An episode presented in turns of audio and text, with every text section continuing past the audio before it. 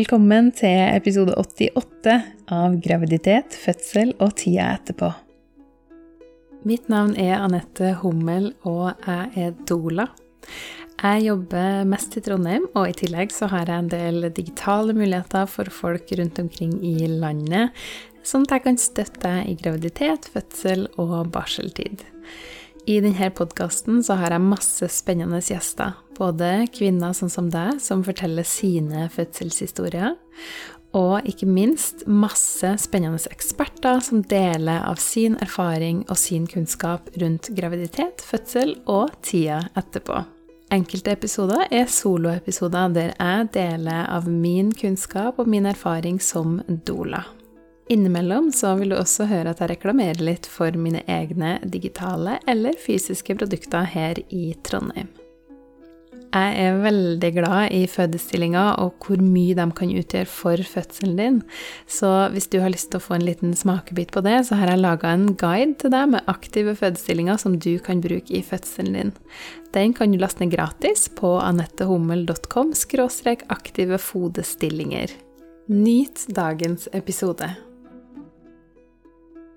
I dag så har jeg med meg Frida, som skal fortelle sine to fødselshistorier. Fødsel nummer én ble et katastrofekeisersnitt under narkose, og fødsel nummer to, som ble en vaginal fødsel etter keisersnitt, men som likevel hadde en dramatisk ending. Nå er Frida gravid på nytt og snakker også om hvordan hun forbereder seg til fødsel nummer tre. I denne historien vil du også få høre at en dramatisk fødselsopplevelse ikke nødvendigvis trenger å være en traumatisk fødselsopplevelse. Hjertelig velkommen hit, Frida. Tusen takk. I dag så skal du fortelle din eh, fødselshistorie. Mm. Men først så skal du få lov til å fortelle litt om deg og din familie. Hvem er du? Ja, jeg heter Frida. Jeg er 27 år. Um, jeg er oppvokst i Bærum.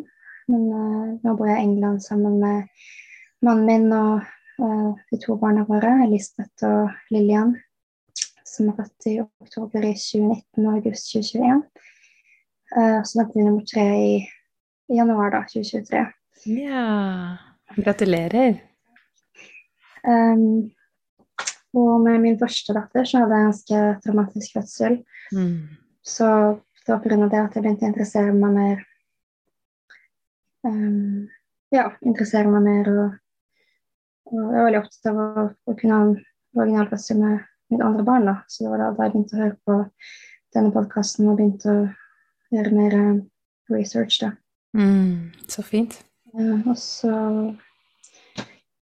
um, var jeg utdannet sykepleier. Um, studerte i Norge, så jobba litt på Rikshospitalet. Og så, um, da jeg flyttet til England, så begynte jeg å jobbe som sykepleier her, da. Mm. Jeg er etter ferdig i permisjon, så nå jobber jeg litt heltid. Ja. Ja. Fint. Spennende. Så gleder meg til å høre mer om det. Ja. Um, vil du fortelle litt først om uh, første svangerskap og fødselen din? Mm. Uh, første svangerskap, da fant jeg vel ut at jeg var gravid i januar 2019. Som var veldig spennende. Da hadde vi prøvd et halvt år ca. Um, så det var spennende. Det var egentlig ganske rett fram graviditet. Ingen komplikasjoner eller uh, egentlig veldig lite symptomer generelt. Um, så ja. Jeg gjorde heller egentlig ikke så mye forberedelser til fødsel. Um, var nå tenker jeg at det var litt naivt, da, men uh, mm. så tenkte jeg bare at ja, ja, det, det kan man ikke forberede seg på, man bare ta som det kommer, tenkte jeg. Ja. Så ja, vi hadde jo egentlig sterkt ønske om en mest naturlig fødsel som mulig, da. Mm. Ønsket liksom å oppleve rier og oppleve å føde et barn, da. Men hva, hva, betyr, hva, betydde det for deg på den tida, når du tenkte en mest sånn, så naturlig fødsel som mulig? Hva, hva betydde det? Det betød Jeg ville prøve å gjøre, gjøre det uten så mye smertelindring og uh, intervensjoner, da. Mm. Uh, uten at jeg egentlig ja, Jeg hadde ikke definitivt krav om at jeg ikke ville ha noe smertelindring, men jeg visste at jeg ville prøve uten, da. Ja. Mm. Um, Skjønner. så Og hvordan, eh, hvordan ble det da når fødselen starta? Jo, altså fødselen startet var vel morgenen 8. oktober, så sto jeg opp, og så gikk vannet mitt. Um, eh, men jeg fikk ingen rier. Og mannen min han var på vei ut til et jobbintervju, så jeg husker at jeg ikke sa noen ting til ham. For jeg ville ikke at han skulle, Og du sa ingenting? skulle Jeg ville at han skulle være fokusert i det intervjuet, da. ja. Han dro vel akkurat idet jeg sto opp, så jeg tenkte ikke, nå sier jeg ingenting. Når, når han dro, så ringte jeg jordmoren min, som ba meg ringe føden. Og så sa de at jeg bare kunne komme inn um, litt senere på dagen og få bekreftet at det var vannet som hadde gått av. Mm. Da han kom hjem, så husker jeg at han fortalte meg masse om det jobbintervjuet. Jeg prøvde liksom å, å høre på det han sa, men til slutt måtte jeg bare si at uh, det var kandidat. Da, da glemte vi å på en måte alt. ja. Ja, og så dro vi inn og fikk undersøkt eller bekreftet at det var vannet som hadde gått. Så, så gjorde de en CTG, altså monitoring, for å sjekke at alt var bra. Og så fikk vi dra hjem. Og så sa de at um, hvis ingenting hadde startet innen neste morgen, så uh, måtte jeg komme inn og få igangsatt fødselen min. ja. Og, og akkurat da så visste ikke jeg at jeg hadde et valg, da, så jeg det. Mm. Jeg tenkte at da måtte vi dra igjen neste morgen. Og um, så resten av dagen så bare passet jeg på at alt var pakket og klart. Eh, Vi gikk ut og prøvde å gå litt, prøvde å sove litt. Ja. Um, vi vel innom svigerforeldrene våre, og da husker jeg gikk på toalettet og så så litt blod. Mm. Så ringte jeg fødeavdelingen igjen og så sa at eh, jeg hadde sett litt blod på toalettet, og så sa de at um, bare spurte om jeg hadde noe vondt, og så sa jeg nei, og så sa de bare følg med, for det kan være at det bare er livmorhalsen som forandrer seg. Det kan være ha litt blod. Uh, så det var greit, så dro vi hjem.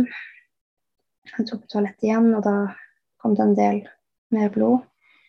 Um, så husker jeg at jeg ringte fødeavdelingen igjen og så at den blø en del mer. Um, var litt stressa, så sa de jeg bare kom inn, og så sa jeg plutselig i forbifarten at um, jeg hadde kommet med koagler også. Ja. Da sa de ja, da må du ringe en ambulanse. Oi. Så da ringte jeg de med en gang, og så husker jeg at mannen min i bakgrunnen han sa liksom ja, men jeg kan, vi kan bare dra inn med en gang, liksom. Og jeg tror ikke han helt skjønte hvorfor jeg måtte ringe ambulansen, da. Men, eh, men da bare da snakket jeg med, med hun i andre enden, som bare spurte om en del symptomer og Mm. jeg husker hun spurte veldig mye om jeg hadde smerter, men jeg hadde ingen, ingen smerter. Um, men hun snakket med meg helt til ambulansen kom, og de kom ganske fort. Ja. Og så kom de inn og gjorde en del undersøkelser, og det eneste som var litt unormalt, var at jeg hadde litt høy puls. Um, Det er ikke så rart, kanskje, i en sånn situasjon. Rart uansett. Nei. Og så husker jeg at de vurderte om jeg skulle få dra med mannen min, eller om de skulle ta med meg inn, da. Og da, da ble det enige om at de skulle ta med meg inn siden jeg hadde litt høy puls, da. Ja. Det kan være et symptom på aktiv blødning Mm. også. Så da gikk jeg inn ambulansen og satt, på en, satt bak i- på en stol. Jeg var ganske nervøs, liksom. Jeg tenkte at nå kommer vi ikke hjem igjen, i hvert fall. Nå, nå drar vi inn også får vi en baby. Ja. Så husker jeg liksom Jeg vet, jeg husker ikke om kanskje han i ambulansen spurte om jeg kjente babyen, eller Jeg klarte liksom ikke helt å vite hvordan magen føltes. Jeg husker at den føltes ganske hard. Mm. Det var ikke vondt. Og så var jeg veldig usikker på om jeg kjente liv, da. Mm. Det var veldig vanskelig å sette fingeren på hva jeg følte. Åh, det er så ubehagelig. Ja, det var litt ubehagelig. Mm. Um, og da vi kom inn, så vi kom vi rett inn på en fødestue. Uh, de var klare til å undersøke. De satt på en sånn CTG, ja, elektroder, da, for å, for Mm. å sjekke. Og så um, sto de på den, og så husker jeg at hun gikk ut og sa at uh, ja, det er best at legen kommer altså, jo, jo før, jo bedre, liksom. Mm. Um, så tok vi blodprøver og la inn veneflon og, og diverse. Og um, legen kom. Jeg han følte på magen, og den var veldig hard. Han spurte liksom når jeg kjente liv, og jeg klarte ikke helt å Jeg husket ikke helt det. Nei. Jeg husker liksom at jeg ble usikker på ja, Kjenner man når man er i fødsel, kjenner man spark, liksom? Jeg bare Mm. over sånne ting, da. Og så vanlig, og så spurte han om å få en ultralydmaskin. Tok en ultralyd, og så sa han bare at ja, vi må utføre et keisersnitt. eh, Motbakken løsner fra livmorveggen. Mm. Og, um, og så da dro de alarmen, da. Ja. Så kom en del folk inn, begynte å ta, dra med klærne, ta på meg støttestrømper. Uh, masse papirarbeid. Anestesilegen kom inn. Um, så husker jeg at mannen min hadde vært og parkert bilen, så han kom inn akkurat da. Ja. Og så sa de hva som skjedde, og så husker jeg spurte om mannen min kunne være med. Mm. Så sa de nei, og da jeg visste at det, det betød at jeg måtte ha uh, keisersnitt narkose. Ja. Så da begynte jeg å gråte. For um, det hadde jeg aldri forestilt meg. Jeg hadde hørt at det kunne skje, men jeg hadde liksom aldri forestilt meg at det kunne skje med meg. da. Nei. Um, så ja, så det gikk vel egentlig ganske fort. Men jeg husker det veldig godt. Så um, Ja. Det gjør de jo bare når det må skje veldig, veldig fort. Da Ja. kan det at man må ha narkose under keisersnitt. Mm. ja, det måtte, masse ut. Eh, Det der den CTG-en viste at um, hun ikke Jeg husker ikke hva det heter. Det var ikke sånne akselereringer, da. Mm. Og, altså, hun var ikke i bevegelse. Hun fikk ikke oksygen hun trengte. Hun, ja, hun bra, da. Uff. Så um, ja, innen fem minutter så var vi vel inne på operasjonsstuen. Um, da var jeg egentlig Når jeg ser tilbake på det, så var jeg egentlig forholdsvis rolig. Jeg fikk ikke panikk. Jeg tror ikke jeg helt forsto hva som skjedde, eller hva konsekvensene kunne bli. Jeg tror jeg bare var i sånn overlevelsesmodus, egentlig. Forståelig. Jeg skulle til og med at jeg spurte anestesilegen om jeg skulle få narkose gjennom maske, eller liksom puste i narkosen, eller få intravenøs narkose. Ja.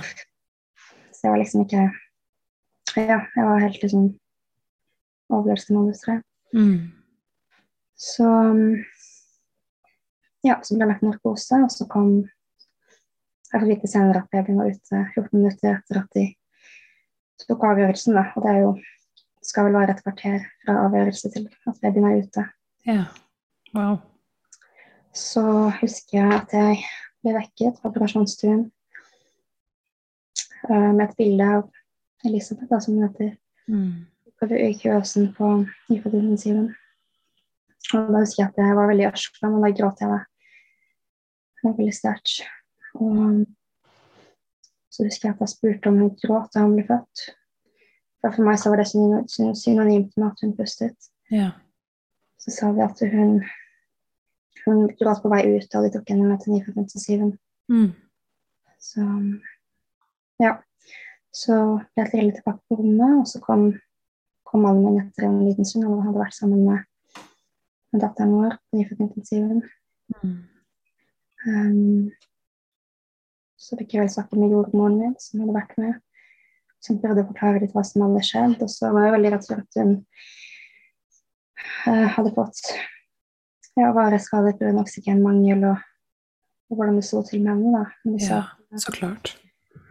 Så er alt så bra så langt. Jeg hadde tatt blodprøver av um, nevlestrengen og Ja, alt så, så bra så langt. Men det var veldig tidlig å si. Ja. Um, så spurte jeg når jeg kunne få se henne. Mm. Og så sa hun at det, det, det var klokka sånn elleve på kvelden, tenker jeg.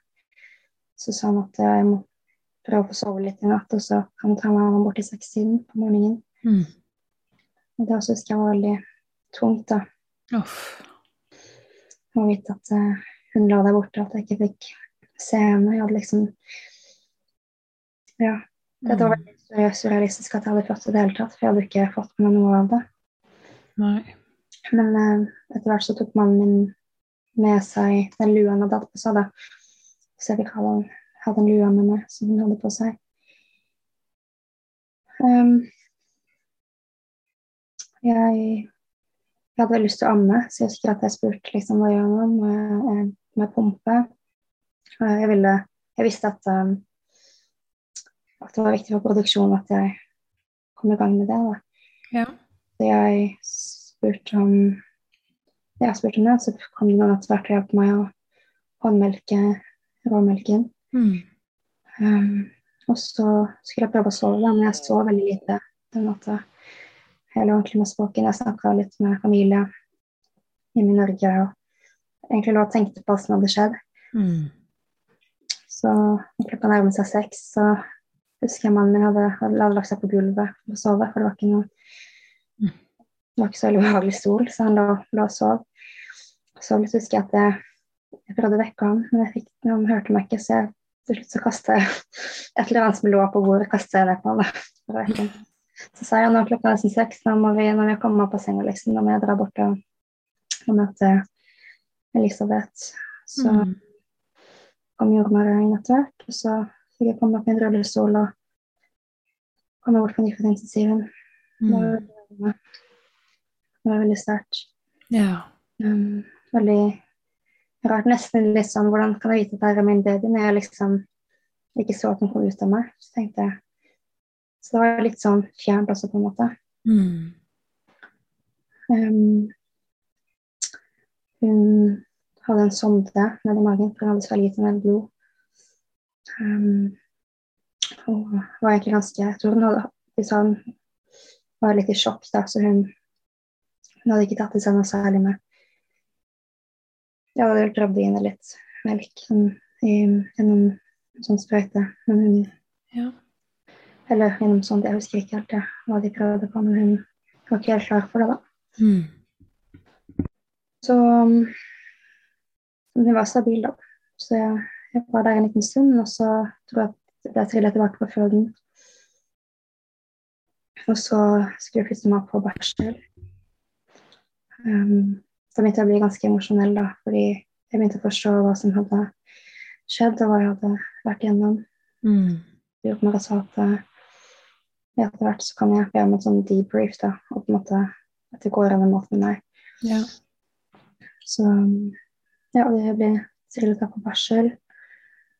Kom opp på et firemannsrom. Og um, det var også veldig tungt, for da hadde på en måte alle babyene sine sammen med seg. Mm. Og så kom jeg var en sånn men så hadde jeg ikke babyen med meg, og det var så veldig emosjonelt. Mm. Um, ja. Så hele den dagen så jeg vel opp og, opp og ned. Liksom prøvde å hvile litt, og så dro jeg ned igjen til Elisabeth på nyfødtintensiven. Og jeg fikk holde henne den kvelden. Så veldig fint Og ha litt hud i hud og Mm. prøvde å amme. Um, og så ja, den natta også var jeg oppe på, på med min drøm hjem for å få litt ordentlig søvn. Um, jeg satt på lag for å huske å, pumpe litt og gikk ned med melk og ja. Fikk tatt igjen litt søvn. Og jeg var ganske sliten. Ja. Um, neste dag så jeg fikk hun komme tak i pausen, så jeg fikk kle på henne. Um, og så fikk hun komme opp til oss litt senere den dagen. Da. Så det var veldig fint. Mm. Ja. Ja, og endelig få være sammen som familie. Ja, endelig få være sammen og bare kunne liksom kle på henne uten masse ledninger og Mm. henne uten problemer. Og prøve å få i gang den andingen, Da. Ja. Um, ja. Så det var fint. Men jeg husker at det var veldig slitsom, veldig slitsomme dager. Det var veldig travelt her. Og hun ville ikke Hun ville ikke amme, eller hun ville ikke suge. Så det var veldig Akkurat det var ganske slitsomt. Um, eller varierende grad av hjelp, da. Så det var vel etter fire dager så kunne vi dra hjem. Og det var kjempedeilig. Vi kunne komme hjem og bare ja, være i kjente omgivelser. ja, klart det. Det var godt da at dere kunne dra hjem eh, etter fire dager allerede, at ting gikk så bra med Elisabeth og Det var veldig, veldig fint. at hun, mm. hun er ikke noen bare skader, så jeg er kjempetakknemlig for det. Ja. At det gikk så bra. Og at uh, det er ikke alle som blør til og med når de har en mirakeløsning. Så, Mm. så var det at jeg hadde de symptomene, og at ambulansen tok mamma inn, liksom. Ja. Og de var så kjempeflinke på fødende. De var så raske og effektive og visste at det skulle gjøre. ja. Så flott. Så ja. Mm. Mm. Og hvordan, eh, hvordan ser du tilbake på det nå? Den første fødselen din? Um, nå Jeg ser egentlig tilbake på det med veldig stor takknemlighet nå, for at, det gikk, for at det gikk så bra som det gjorde. Og føler oss veldig heldige. Jeg har jo lest mye om det her i ettertid, og vet at det er veldig mange som um, mister ganske fullgodt uh, Altså mister babyer både tidlig og sent i svangerskapet til det her. Ja. Um, eller får varige skader. Så Mm. ja. Um, og så vet jeg jo at det var ingenting Sånn som at jeg hadde et keisersnitt og men, men jeg vet at jeg ikke hadde noe valg, liksom. Jeg vet at uh, det her måtte til. Ja. Så um, selv om jeg ikke fikk prøve å føde, så, så, er det på en måte, så er det ganske lett å godta når man vet hva alternativet hadde vært. da. Klart, absolutt. Ja, det er jo så Altså i, I sånne tilfeller som det her, så er det jo all grunn til å være kjempetakknemlig for at det går an å ta keisersnitt. Ja. Det er jo så fint. Mm. Takk. Mm. Ja. Mm. Fikk du noe, fikk du noe hjelp med, med bearbeidelsen av denne opplevelsen for deg i ettertid? Um, jeg oppsøkte ikke noe sånn psykologhjelp eller noe. Jeg følte ikke at jeg hadde behov for det. Jeg snakket mye med familie og mannen min og sånn, da. Mm. Og så fikk vi dra inn noen uker etter fødsel og ha en sånn debrief der de gikk gjennom alle notatene Ja. og steg for steg hva som hadde skjedd. da. Mm. Det var veldig hjelpsomt. Og så, så følte jeg liksom at jeg kom meg gjennom det, og at eh, ja, det gikk, gikk greit. Så fint. Mm. Mm. Det var kjempebra. Men var neste graviditet nummer to da, at det kom ut opp igjen, faktisk. At jeg visste at jeg skulle føde igjen. Ja, da du ble gravid på nytt. Ja. Ja. Hvor lenge etter var det? Det var Jeg fant ut at jeg var gravid da Elisabeth var 14 måneder. Så det Ja. var vel desember i 2020. at Mm. Skjønner. Og hvordan var svangerskapet denne gang nummer to, da? Det var også egentlig ganske rett fram. Hadde ikke noe særlige symptomer. Um, ja, egentlig ganske rett fram. Jeg husker jeg hadde sånn litt i start da vel uke 31-32 så hadde jeg noen uh, en kveld med noen tidlige rier, da. Så da var jeg et par dager på sykehus. Og- Så det starta med Ria? Ja, eller det her var før fødselen. da. Jeg hadde Ja. Premature som hadde tok til sykehuset. Eller som Ja. jeg måtte undersøke. Så fikk jeg litt medisiner og, og det var til overvåkning i et par dager bare for å passe på at ikke fødselen starta tidlig. Da. Men da, da ordna seg. Jeg fikk dra hjem igjen. ja. Hvor langt på vei var du da? Da var jeg vel eh, uke 32, tror jeg. Ja. Ja. Var det noe ekstra kontroller eller noe sånt i forbindelse med at du hadde hatt morkakeløsning forrige gang? Um, det var altså, Nå var jeg jo klassifisert som høy risiko, da. Så Mm. I England så har de eh, vanligvis følges man med opp av jordmor i hele graviditeten. Altså hvis man er regnet som høy risiko, så har man en overlege også, da. Ja. Som går til. Så jeg ble fulgt opp av en overlege som hadde noen legetimer, eller ja, timer med henne der vi på en måte la en plan, da.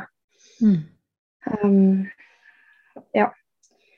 Men ellers så var det ikke noe annen overvåkning. Men jeg var veldig obs på at eh, fra jeg kunne kjenne en bevegelse, så skulle jeg være veldig veldig obs på hvis Altså, jeg tok kontakt eller en gang kom igjen for lite, da, hvis jeg kjente at uh, det ikke var like mye liv. Ja. Så jeg var nok ja, veldig før år da, denne gangen. Men det er, det er jo egentlig kjempelurt for alle å være litt sånn ekstra oppmerksomme på, på bevegelse i magen. Mm. Ja, det skal man jo være. Ja. Ja. Men jeg skjønner at det var ekstra for deg, så klart, som har Ja. opplevd den, vært gjennom den opplevelsen. Mm. Mm. Så da Ja, jeg husker jeg sa til hun overlegen at jeg Eller overlege det, I England heter det consultant, da. Jeg vet ikke helt hva, hva det er i fødselslege, kanskje. Fødselslege, kanskje. Mm. Um, sa at jeg gjerne ville ha biverk, vaginal birth after cesarean. Ja. Så. Og da så hadde jeg også blitt med en sånn Facebook-gruppe som het VBAC Support Group da, i England, mm. for å begynne å undersøke litt. Og jeg visste at um, de ja, legene er litt sånn ja, litt før var og ganske forsiktige. Da. De ville egentlig ikke at man skal gå over termin. Og de ja, så de vil helst igangsette før termin hvis ikke babyen er født. Og så er det også litt sånn uh, De kan ikke gi de der vanlige dryppene også når man har hatt keisersnitt før, fordi det kan uh, påvirke arret i livmoren. Mm. Så hun fødselslegen foreslo å sette i gang uke 39 dersom vi ikke hadde fått ennå. Uke 39? Ja. ja. Ok. Så var ikke det sa jeg at det, det var veldig tidlig, liksom. Datteren min ble født 39 pluss 3. Ja. Så jeg tenkte at det var veldig usannsynlig at jeg hadde født innen da. Så ble vi enige om at uh, jeg skulle igangsettes ved uke 41, da, hvis det ble nødvendig. Okay. Mm. Jeg var på en måte sikker på at jeg hadde født innen da. Ja. så, jeg, tenkte jeg at hvis det kom til det, så kunne jeg liksom endre planene.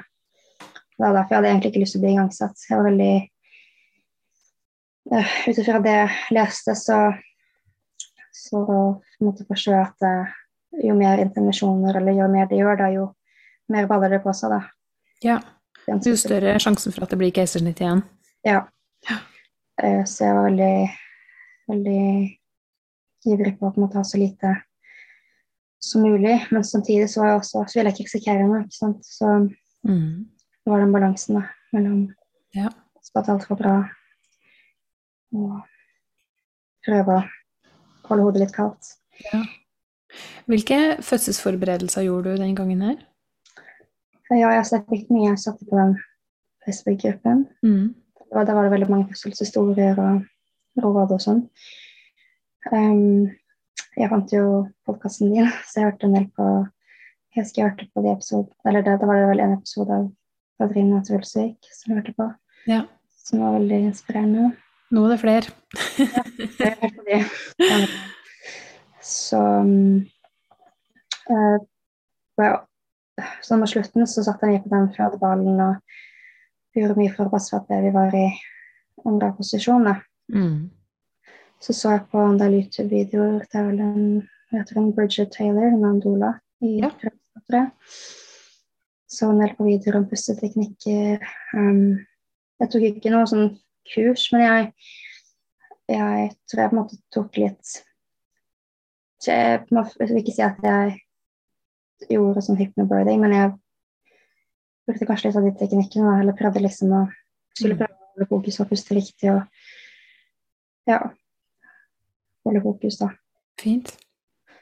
Så skrev jeg et fødebrev hvor jeg ønsket skrev, skrev noe jeg ville prøve smertestillende hvis hvis det kom til det. Så ble det en sånn tens, et tensapparat, heter det. Jeg vet ikke om det er sånn mm. men her er det ganske mye Jo da, tens, eh, de har tens på forskjellige fødeavdelinger. Ja, ok. Ja. Så jeg lagde en sånn, og jeg lagde litt sånn spillelister. Um, ja, prøvde liksom å forberede meg mentalt. Mm. Um, hørte på, jeg hørte på fødehistorier sånn det nærma seg fødsel. Jeg forberedt på Før 37 så tenkte jeg ikke okay, jeg prøve å gjøre alle de her særingrådene for å, for å bli klar, liksom. For jeg hadde ikke lyst til å gå, gå over det. Så jeg gjorde en del særingråd. Mm. uh, ja. Hvilke type ting da? Um, nei, det var liksom å spise dadler og Det var vel et kjerringråd. Og så Hva annet var det da? Um, ja, jeg vet ikke jeg, jeg, det, det, er ikke kanskje anbefalt, så jeg skal ikke kanskje nevne alle. um, jeg tok sånn evening primrose oil. Ja.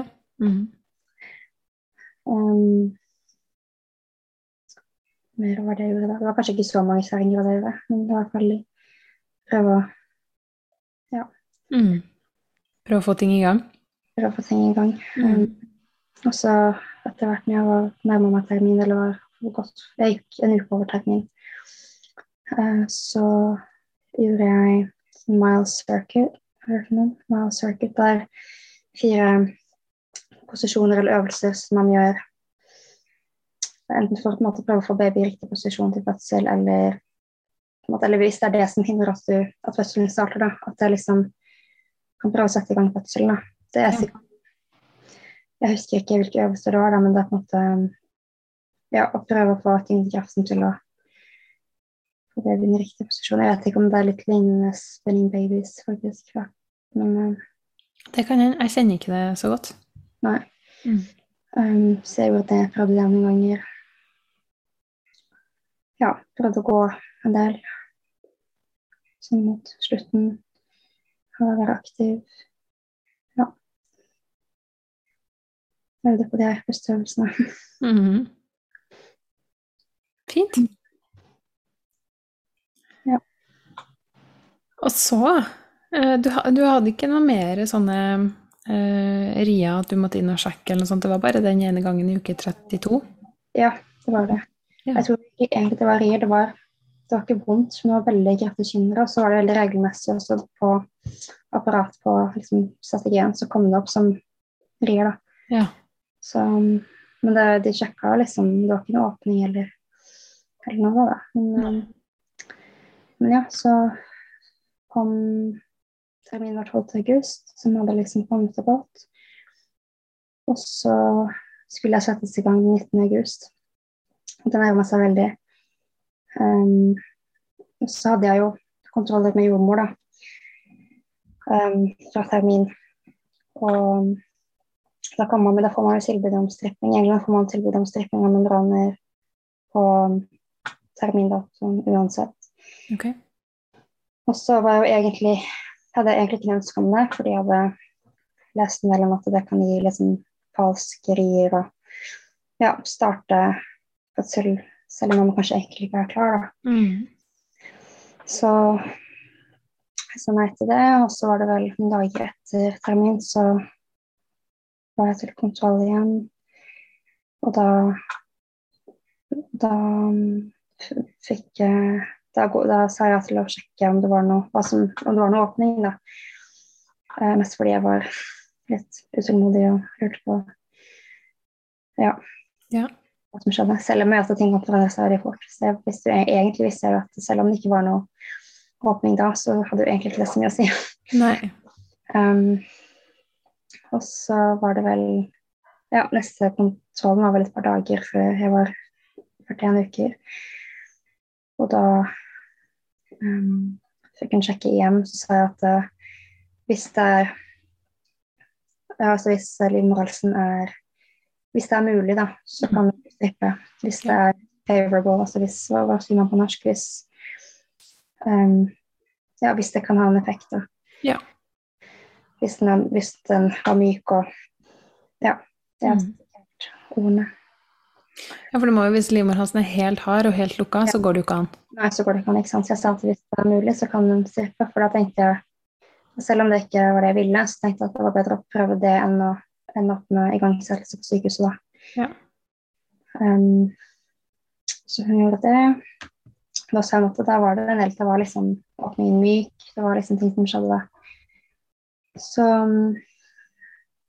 neste dag, den 18. august, så husker jeg at jeg begynte å få litt Så våknet jeg klokka seks av en rie. Mm. Um, da var det bare én, da, og så kom det ikke noe mer. Da, det, det, visste jeg at det var noe mer da, enn en kynner. Så kom de vel litt av og på hele den dagen.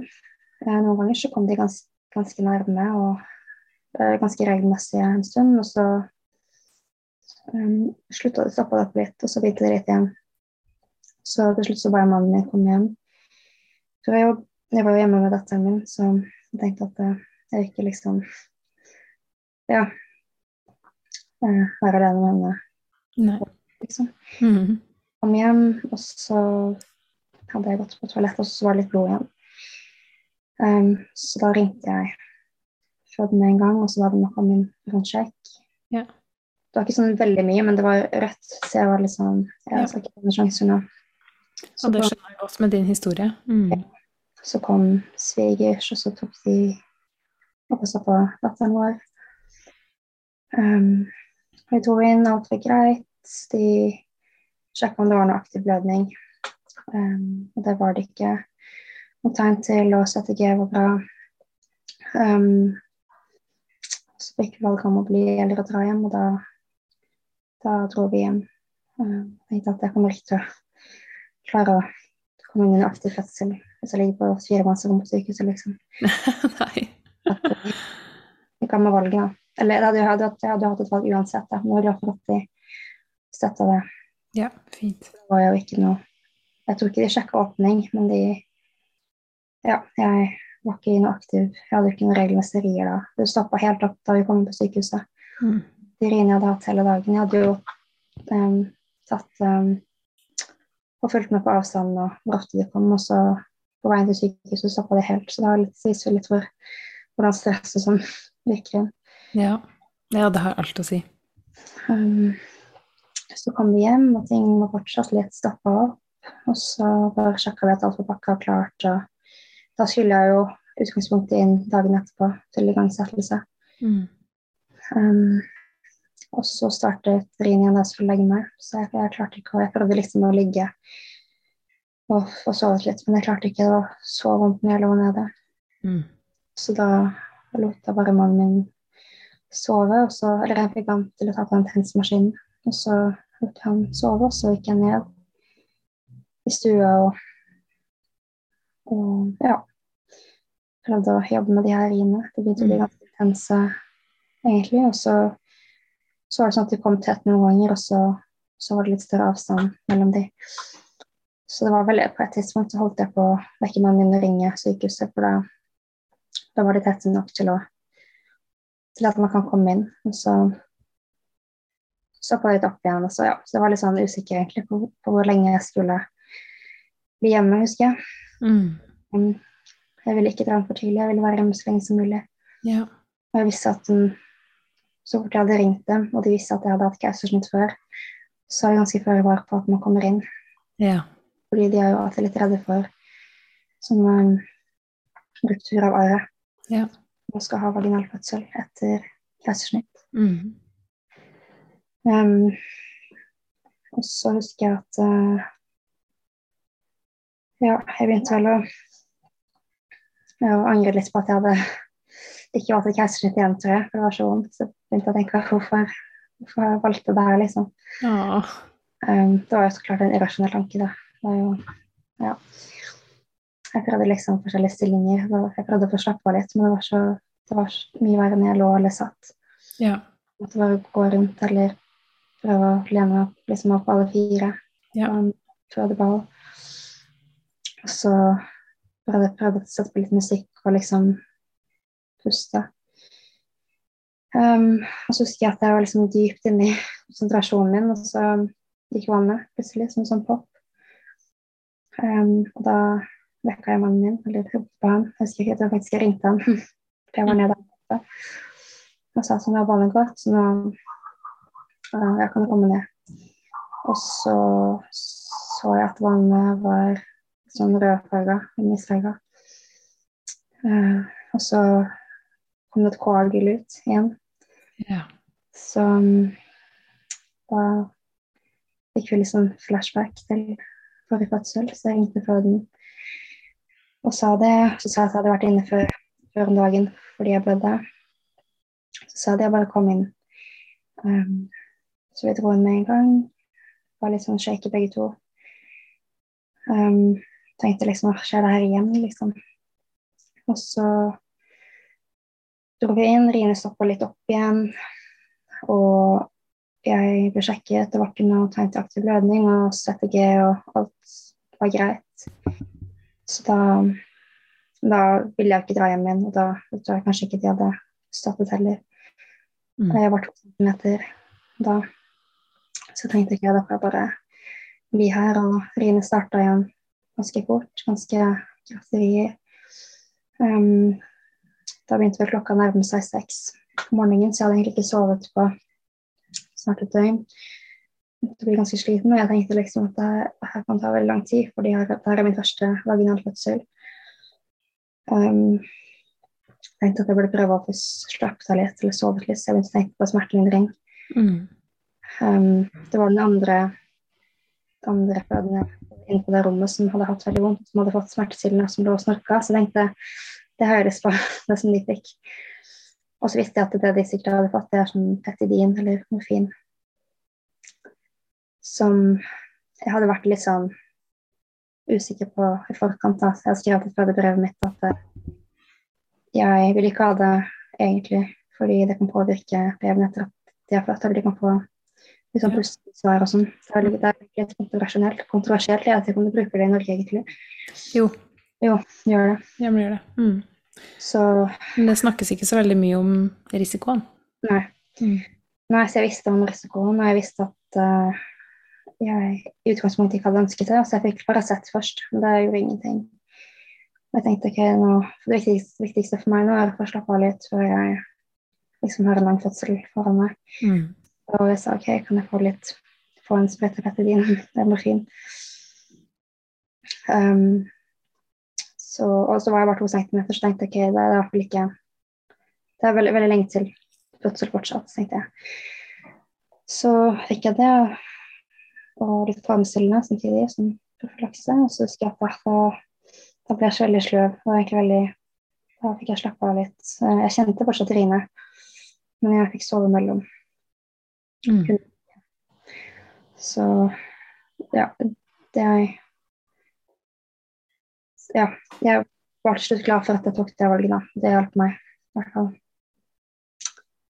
Um, så fint. Så men, men at i neste så skal liksom målet være å prøve uten igjen, da. Men ja, være åpen. Yeah. Um, og så ja, sov jeg vel litt, og da så, ja, etter jeg hadde slutta å virke, så våkna jeg igjen. Da var det veldig intense. Ble veldig intense. Jeg merka at måten jeg pusta på, forandra seg. Eller jeg merka at noe forandra seg. Liksom, tidligere så hadde jeg klart å puste inn, og så puste rolig ut. sånn um, ja, jeg vet ikke hva jeg kaller det. Upbreathing. Upbreathing? Ja. ja, det er jo hypnobreathing. Uh, det er det. Mm. i hvert fall den pusteteknikken jeg hadde brukt. Men nå klarte jeg på en måte ikke å være stille lenger. Du skjønner, jeg fikk på en måte Jeg pusta ut, så klarte jeg ikke lage lyd. Mm. Så jeg, jeg, tror liksom jeg merka at det var noe som forandra seg. Mm. Um, det ble mer intenst. Jeg fikk ikke noe særlig pause mellom riene. Um, og så um, var det vel vaktskifte. Det var på klokka sånn halv ni på morgenen. De hadde vel et vaktskifte, så kom jordmora inn. Så så mannen min at jeg hadde blødd en del mer. Så legen kom og sjekka igjen, og, og da fikk de sjekka åpning også. Um, ja, jeg, var, jeg, visste at det var et valg som jeg kunne ta, da, men jeg ønsket å vite Mm. Noen forandring. Og da var jeg fire centimeter. Jeg husker jeg, så da fikk jeg komme inn på fødestue. Og så hadde jeg jordmor og jordmorstudent med meg. Um, det var ikke, fortsatt ikke noe tegn til aktiv blødning. Det var de sa bare at det var sikkert livmorhalsen eller Ja. Så jeg tror ikke de helt visste, egentlig. Um, så ja, fikk jeg inn på fødestue sånn i ni-tida. Um, det er egentlig en veldig ukoselig liten fødestue. Jeg var liksom på den høyrisikodelen av, av fødeavdelingen. De har jo jordmorstyrt Det lå en legestyrt. Ja. Det bare på den legestyrte. Ja. Veldig sånn lite rom. Um, ja, veldig gammelt. Men jeg, jeg brydde meg ikke noe da, da. Da var jeg liksom så fokusert på, på det her. Um, og egentlig svaret alt ganske Jeg husker ikke et tidsperspektiv da. Jeg bare husker at da slet jeg veldig med de her prøvde å huske riktig. Jeg husker at det kom en haug med leger på sånn legevisitt. Jeg visste ikke at de drev på med det under fødsel, liksom. Men jeg husker at det kom en haug med leger inn på rommet, om fem-seks ja. overleger, liksom, og så på, så på Rine. Jeg hadde spurt om å få sånn trådløs CTG på, fordi jeg visste at de helst ville overvåke, og siden jeg hadde hatt litt sånn blødninger og sånn, så ville jeg helst helst at jeg overvåkte. Ja. Men jeg fikk ha kontroll, sånn at jeg fikk beveget meg Mm. rundt. Så så vi liksom at riene var veldig intense og veldig tett. Mm. Så egentlig sånn ikke de det pga. arret fra keisersnittet. Så da øh, ville de gi meg litt sånn ridempende. Okay. Jeg var litt sånn ja, usikker, da, for jeg ville jo egentlig ikke Jeg ville jo ikke at det skulle stoppe opp. Jeg ville jo egentlig la kroppen gjøre det den trengte. Ja. Men eh, ja, jeg endte opp med å, få det, da. Få det Mhm. Det var egentlig helt greit, for da ble det litt mer avstand mellom riene. Men jeg begynte også å tenke på at hvis jeg skal være sånn her i hele dag Jeg så for meg at jeg kommer til å ta hele dagen, så tenkte jeg jeg tror jeg må ha en epidural. det. Jeg sa til mannen min at jeg vil ikke ha men jeg tror jeg må ha en epidural. Så, så kom han til si-legen eh, med det der eh, infoskrivet om ting som kan skje, og man må signere, da. Jeg tenkte oh, ja. Mm. risikoen, da. Så jeg tenkte jeg bryr meg ikke, liksom. Må jeg, må jeg lese det her? Må jeg signere det her? Jeg har ikke tatt rasjonelt valg. Um, men så, så ba hun jordmorstudenten meg å prøve lystgass. Vi hadde, hadde det, så var jeg litt så Jeg var litt kvalm, og jeg hadde hørt at man kunne bli litt kvalm av det, så jeg var litt usikker. Men jeg prøvde det til slutt, og det var jeg veldig glad for, for det, det hjalp meg veldig. Mm. Um, det tok ikke nødvendigvis bort smerten, men det, var jo litt sånn høy, da. For å si sånn. Man blir jo litt ja, neddopa. Ja. Det hjalp meg også å puste. Fortsette å puste riktig. Mm. Um, så da ble det ikke, ble det ikke epidural. Det var jeg veldig glad for. Fordi det hadde vært veldig sånn Det var veldig viktig for meg å kunne kjenne riene og jobbe med dem. Ja. Og jeg visste at liksom hvis jeg skulle Jeg ville helst ikke gi på ryggen heller. Mm. Så visste jeg liksom at får forhold til epidural, så må man ligge på ryggen, og må få intravenøs væske. Det er mye som ja. Ja. Kanskje man må ha drypp, kanskje man må ha kateter. Ja. Større risiko for keisersnitt. Ja, sant. Og jeg tror det var derfor Jeg tror ikke legene hadde egentlig så veldig imot det. For de tenkte at hvis det, måtte, hvis det ble til et keisersnitt, så hadde jeg i hvert fall så var jeg i hvert fall klar, da. Ja. Egentlig hadde jeg egentlig vært en grunn til at jeg ikke ville ha det. Ja, sant. Jeg ville ikke vært klar til keisersnitt. Nei, det skjønner jeg. Så, så ja, da fikk jeg lystgass. Jeg husker at eh, jeg sto, men jeg husker at jeg begynte å føle en helt sånn press, nedpress. Mm. Um, så jeg husker jeg fikk en flådeball jeg kunne sitte på. Så var det vel bare å prøve å ja, puste og jobbe med riene. Um, men etter hvert så begynte signalet å bli dårlig på den strategien. Mm. Så da spurte de om jeg kunne sette en sånn elektrode på hodet. Um, så jeg sa ja til det. Og da måtte, ville de også, også sjekke åpningen igjen, da. Um, så da kom jeg på senga og hadde sjekka, og da, var jeg, da hadde jeg full åpning på 10 cm. Ja. Og da husker jeg var veldig overraska, for det var vel bare to og en halv time etter at jeg hadde vært 4 cm. Det er det som er fødselen er ikke lineært, og det er derfor de centimeterne er mindre viktige enn man ofte det. tror. Da. Ja, for jeg hadde liksom tenkt at fire centimeter, det er det lenge til jeg liksom har ti centimeter. Og nå, nå vet jeg jo nå at grunnen til at det var så intenst, var jo at det, eh, jeg vet ikke hva det heter på norsk, ja, men transitioning, liksom. Fra Overgangsfasen. overgangsfasen Mm. eh, er jo veldig intens. Så Ja, veldig. det er ofte da man begynner å tenke irrasjonelt og sikre på dural og sånn, det har jeg jo lest. Ja. Men da også tenkte jeg liksom at eh, her kan det kan ikke være det har kommet så langt, tenkte jeg. Mm. Så det var veldig Ja, da ble jeg veldig glad for at det var var full åpning og det hadde kommet så langt. Ja. Um, og så uh, var baby, uh, eh, babyen var ikke helt i optimal posisjon da, så de ville at jeg skulle henge over sengeryggen liksom uh, i en times tid. da, Mm. for å puste og, og prøve å passe på at babyen var i best mulig posisjon. Og det der er det, det der er det mange som ikke vet, fordi at når du, når du har full åpning, så betyr ikke det nødvendigvis at det er på tide å presse ut babyen. Nei. For åpningen er liksom bare én del av det at man skal være klar til å presse ut ungen. Ja. Ja, så mm. da tok det Ja, fortsatte jeg å en times tid. Ja, husker ikke så mye, egentlig. Snakka litt og Ja, prøvde å konsentrere meg. Mm. Og så, um, etter en times tid, så sa jeg at jeg kunne begynne å trykke. Um, nå i ettertid så har jeg på en måte tenkt på at jeg egentlig skulle ønske at jeg ikke hadde begynt å trykke det, for jeg hadde ikke noe sånn veldig særlig trykketrang. Um, men det ja, det er litt sent å tenke på nå, men det skal jeg tenke på til neste fødsel. At jeg har ikke egentlig lyst til å trykke hvis ikke jeg føler at jeg er klar for det. Mm. Så ja, jeg begynte å trykke. Det tok vel begynte vel å nærme seg en time. Jeg sto fort, var fortsatt i samme posisjon, liksom oppreist over sengeryggen. Som sengeryggen sto ja, rett opp. Ja. Så eh, ja, etter hvert så de her legene rundt igjen da, på, på. på -hmm.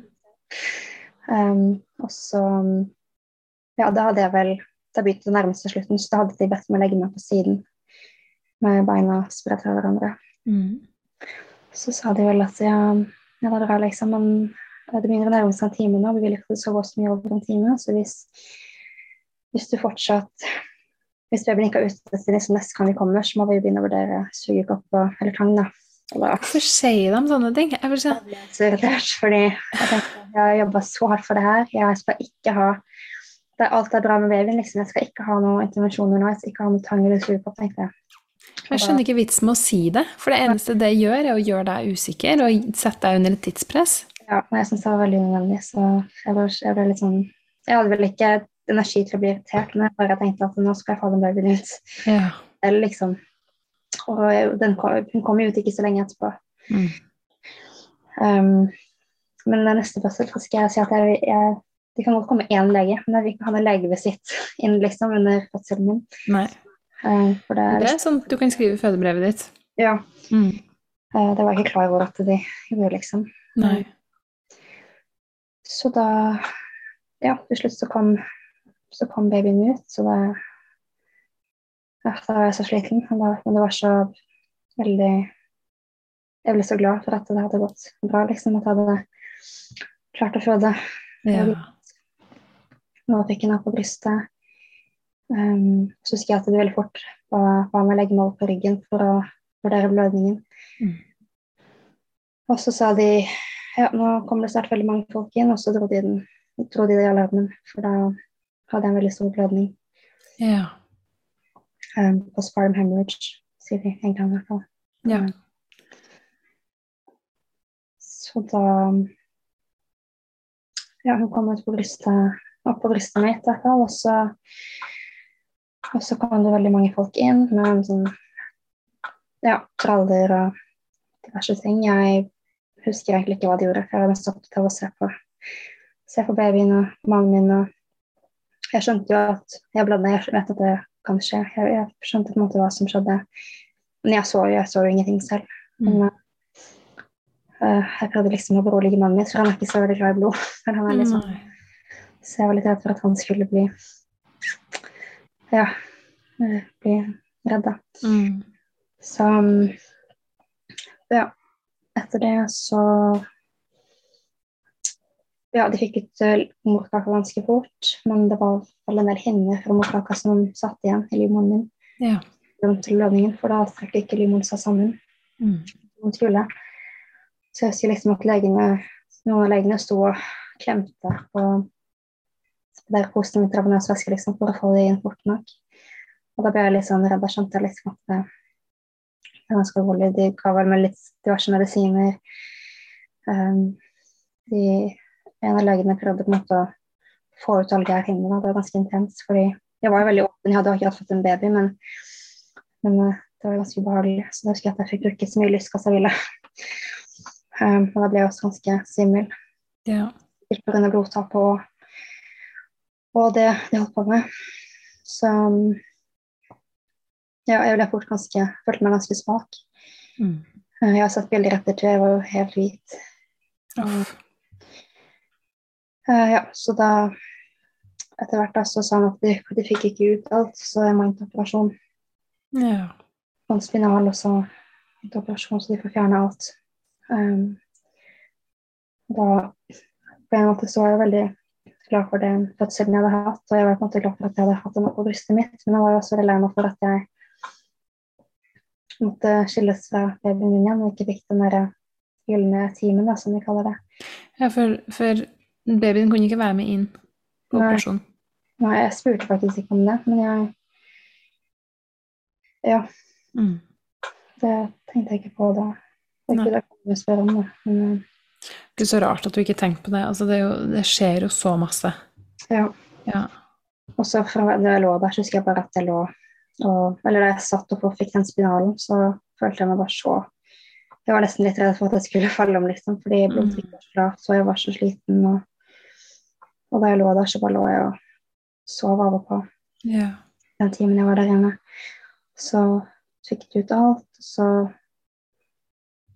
fikk jeg komme inn på postoperativen etterpå. Og da husker jeg spurte en sykepleier om jeg fikk ha babyen med. og så sa hun at hun visste ikke, men skulle undersøke. Og så jeg bare begynte å gråte med en gang. Tenkte, Hun sa ikke nei, men jeg bare tenkte jeg vil ha babyen min her nå, liksom. ja. Men da var det ikke så lenge til mannen min og babyen og jordmoren min kom, da. Så bra.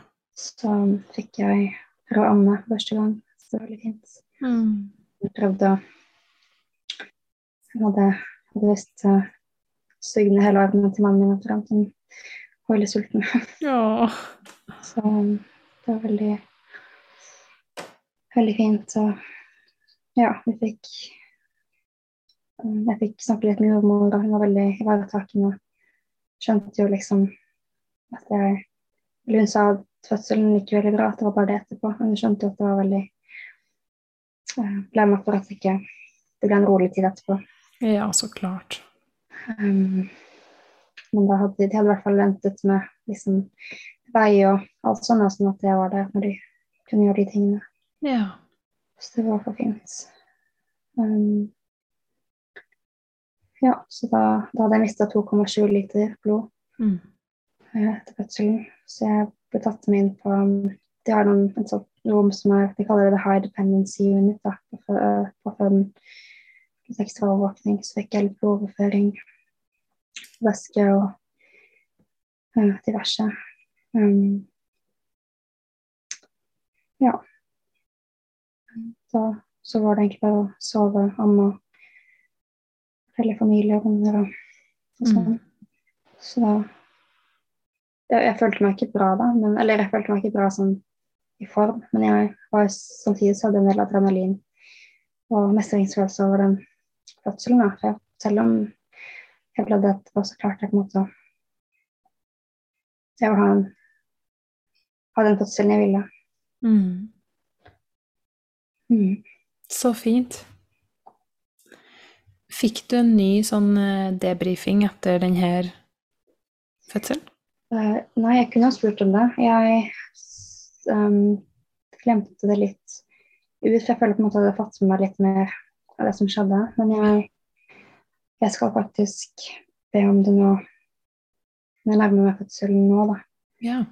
Og på en måte ja, snakke med alt sammen og vite hva de Jeg vet også at de kommer til å ha enda mer forholdsregler nå som for, å forhindre, for, for å forhindre en ny blødning. Det er ikke sikkert det skjer igjen, men de kommer til å være litt føre var, da. Ja.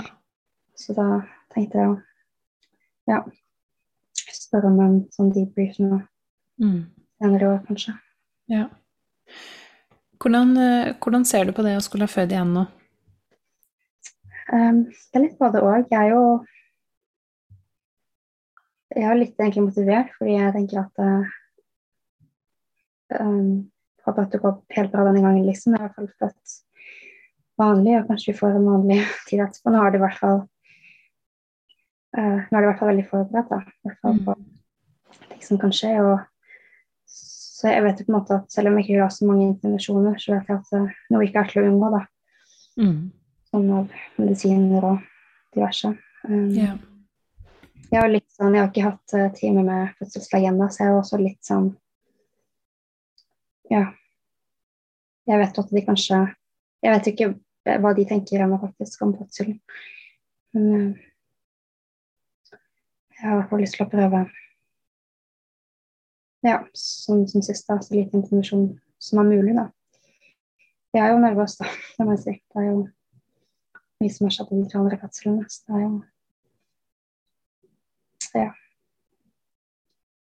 Ja, det skjønner jeg godt. Det skjønner jeg veldig godt.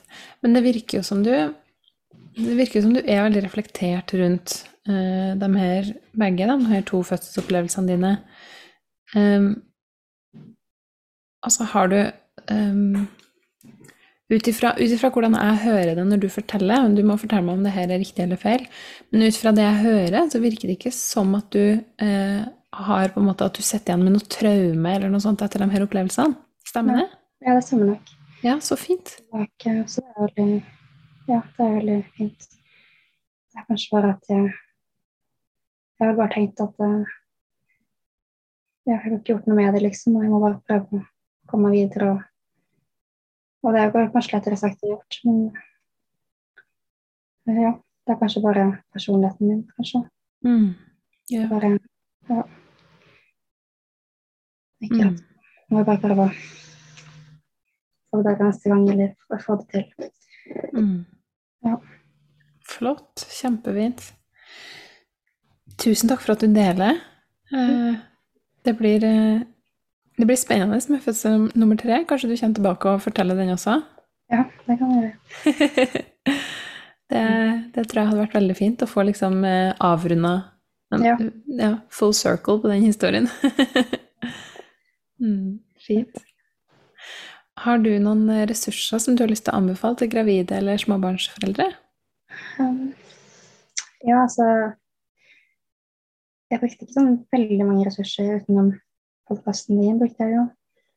Så alle mm. episoden ja, til Befriende Trulsvik, den første episoden.